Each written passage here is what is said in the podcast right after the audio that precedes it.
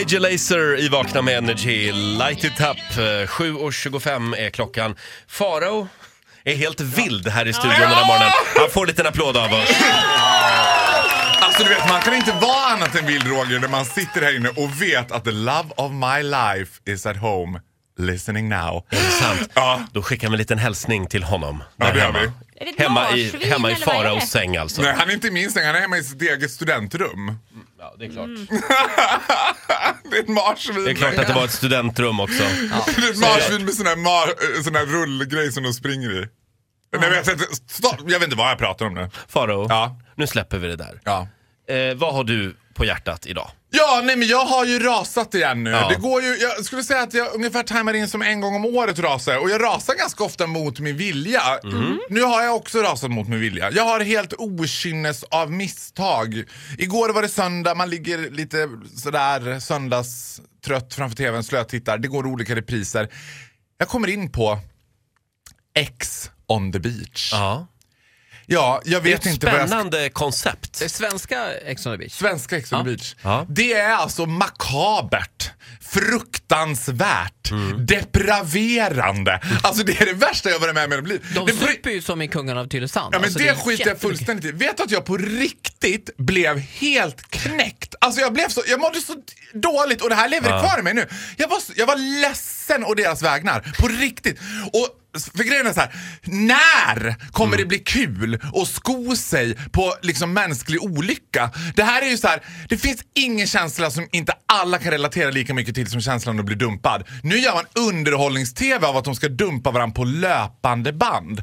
Och det är liksom, men varför skriver de på då? Varför Ja. åker de dit? Ja men vet du vad, jag vet inte det. Jag Nej. vet Bara- inte. Alltså det här är någonting som har, det är liksom Kiviks marknad Ja. anno 2016. Det har bytts ut. Det är liksom den här Alltså, nu tycker jag du förolämpar Kiviks marknad lite Förlåt. Kiviks marknad, det gör jag. Men nu menar jag det här när man skulle titta på freaks och skäggiga damer och Ja, okej. Kom och se, vi har Paradise Hotel-deltagare, Ex on the beach! Men det här är ju snygga människor. Ja, men det är det inte. Om man Inte gillar alltid den... så smarta, men snygga. Men jag kan inte låta bli att fråga mig, vad får de betalt för att göra? För någon form av ersättning bör väl gå Jag ut. kan Men säga vad de Är får det fyra betalt. kronor i timmen eller en resa? Ja, vad säg? Nej men man får inget betalt. Är det så? Man får inget betalt för det där. Nej, Bara, de för, får inget betalt för det bara där. för att man ska få en bild av de här människorna. Vi var inne på det här förra veckan också. Ja. Eh, Då eh, körde vi ett kort klipp, eh, klipp med eh, Andreas, heter han va? En av deltagarna i Ex on the beach. härlig kille, varm ödmjuk. Ska vi ta och lyssna igen på hur det lät när han presenterade sig? Jag gillar eh, blonda brudar och brunetter, absolut. Tight fucking kropp. Jag vill inte ha några jävla kärlekssamtal och sån här skit. Jag, jag gillar inte att snacka så mycket med tjejer så att eh, för mig spelar absolut ingen roll hur hon är som person. Jag tror absolut det kan hända någonting mellan mig och Jösse. Men eh, skulle det finnas en annan tjej där inne så... Gud vet.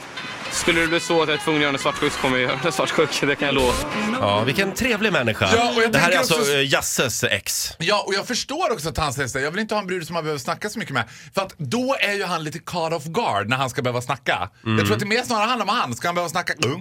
Och det avsnittet jag såg, då är det så här, Jasse som är någon sorts hon verkar vara the mother chicken hen av det här. Någon sorts drottningbi där inne. Ja. Och människan är ju liksom I'm going bananas. Du vet, full stop crazy! Hon vet hur man gör bra TV. Ja, men hon, ja, eller så är det som att det är en filmad journal från Sankt Görans psyk eh, akut. Något Känns- av det. Ja, det är, alla, ett känsloregister som går från 1 till 100 på 30 hundrade sekunder. Mm. Och det avsnittet jag såg, då är det Jerry, hennes ex också. Ica-Jerry? nej, Nej. Jerry, honom gillar man. Han är Jaha. lite liksom mumsig, lite sådär. Han väljer bara Kuriosa också, han jobbar på Friskis och Svettiskans tull kan jag säga. Åh. Så då ser man Ex on the beach, vad hände sen? Bra. Jerry? Han verkar ha, alltså ha ett jobb också vid sidan av. Det är Ja, bra. nu är det ju oftast på volontärbasis man jobbar på Friskis och Ja, okej. men ja, någon sån typ av jobb. Och då är det, han har också varit ex till Jasse. Som sagt, hon är någon mother chicken in, alla verkar vara ex till henne mer eller mindre. Då kommer någon Matilda in som är hans ex, varpå Jasse gå, går all in lejoninna och ska liksom ta ut allt livets ont på den här stackars liksom blonda, tysta tjejen som har varit tillsammans med den där Jerry, ja 20-30 minuter säkert på någon Finlandsfärja.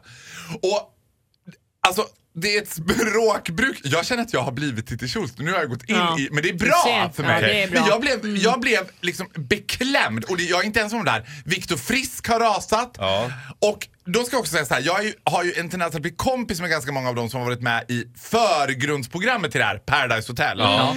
Det är ingen rolig framtid man har när man har vunnit det. Är det inte? Hur många gånger har Samir gått ut i sin blogg och bönat och bett föräldrar att inte anmäla sina barn till Paradise Hotel? Han skulle aldrig göra om det, han skulle aldrig vara med igen. Det är absolut inget bra. Men, Men kom han han på bygger- det efter att han var Ja. med andra eller tredje gången? Det gjorde han när han var med efter tredje gången. Då Okej. kände han, tre gånger, Nu nu får det det. vara nog. Där är det stopp. Och Ja. Mos! Ja. Mos, man! Vänta nu, Vet- det var han som vann nu senast eller? Ja, han vann Paradise Hotel. Ja, Vet ja. ni vad som ingår i det där kontraktet när man Nej. vinner Paradise Hotel? Nej. Nej, det är ett års terror. Mos åker, as we speak, Ja. runt måndag till fredag. Måndag till fredag. Mm. På studentkryssning. Är det det han får betalt för just nu? Ja, och varför, det är någon tusing i Och handen. vilket typ, på jäkla tre straff alltså. Nej men alltså, jag, jag och Titti tog ju studenten i 20 minuter. Det var kul. Vi Men ni- åkte förlåt. studentflak förra Ja, sommaren just det. när det var skolavslutning. Då, då fick vi den stora glädjen att åka med på ett studentflak och det tar på krafterna kan jag säga. Jag var helt färdig. Så ni säger en gång per år ungefär är vad man orkar? Ja, 20 minuter per år ungefär. Ja, just det. Och gör det då eh, en månad måndag till fredag. Då riktar vi en liten tanke till Mos. Ja. Kämpa Mos. Kämpa mot. Och jag, jag vill också rikta en tanke. Ja. Det finns så mycket annat kul att göra än Farao. Farao totalsågar alltså Ex on the beach den här morgonen. fruktansvärt. Nu- Nu, nu jag har blir vi- sugen att se. Ja. Nu har vi Nej. inte tid längre. Du får en liten applåd av oss Ja, Farao. hej då! Hej då! Eh, eller förresten, sitt kvar. Du får vara med när vi kör stanna eller gå. Okej, jag tittar. Du, du får stanna några minuter till. Här är Flowrida, My House på Energy. Open up the champagne, pop. It's my house, come on, turn it. Hear a knock on the door and the night begins. Cause we've done this before, so you come on in. Make yourself at my home, tell me where you've been. Pour yourself something cold, baby, cheers to this. Sometimes you gotta stay in, and you know where I live. Yeah, you know what we is. Sometimes you gotta stay in. Welcome to my house, baby. Take control now. We can't even slow down. We don't have to go a while. Welcome to my house. Play that music too loud. Show me. Ett poddtips från Podplay. I fallen jag aldrig glömmer djupdyker Hasse Aro i arbetet bakom några av Sveriges mest uppseendeväckande brottsutredningar. Går vi in med hemlig telefonavlyssning och, och då upplever vi att vi får en total förändring av hans beteende. Vad är det som händer nu? Vem är det som läcker? Och så säger han att jag är kriminell, jag har varit kriminell i hela mitt liv men att mörda ett barn, där går min gräns. Nya säsongen av Fallen jag aldrig glömmer på Podplay.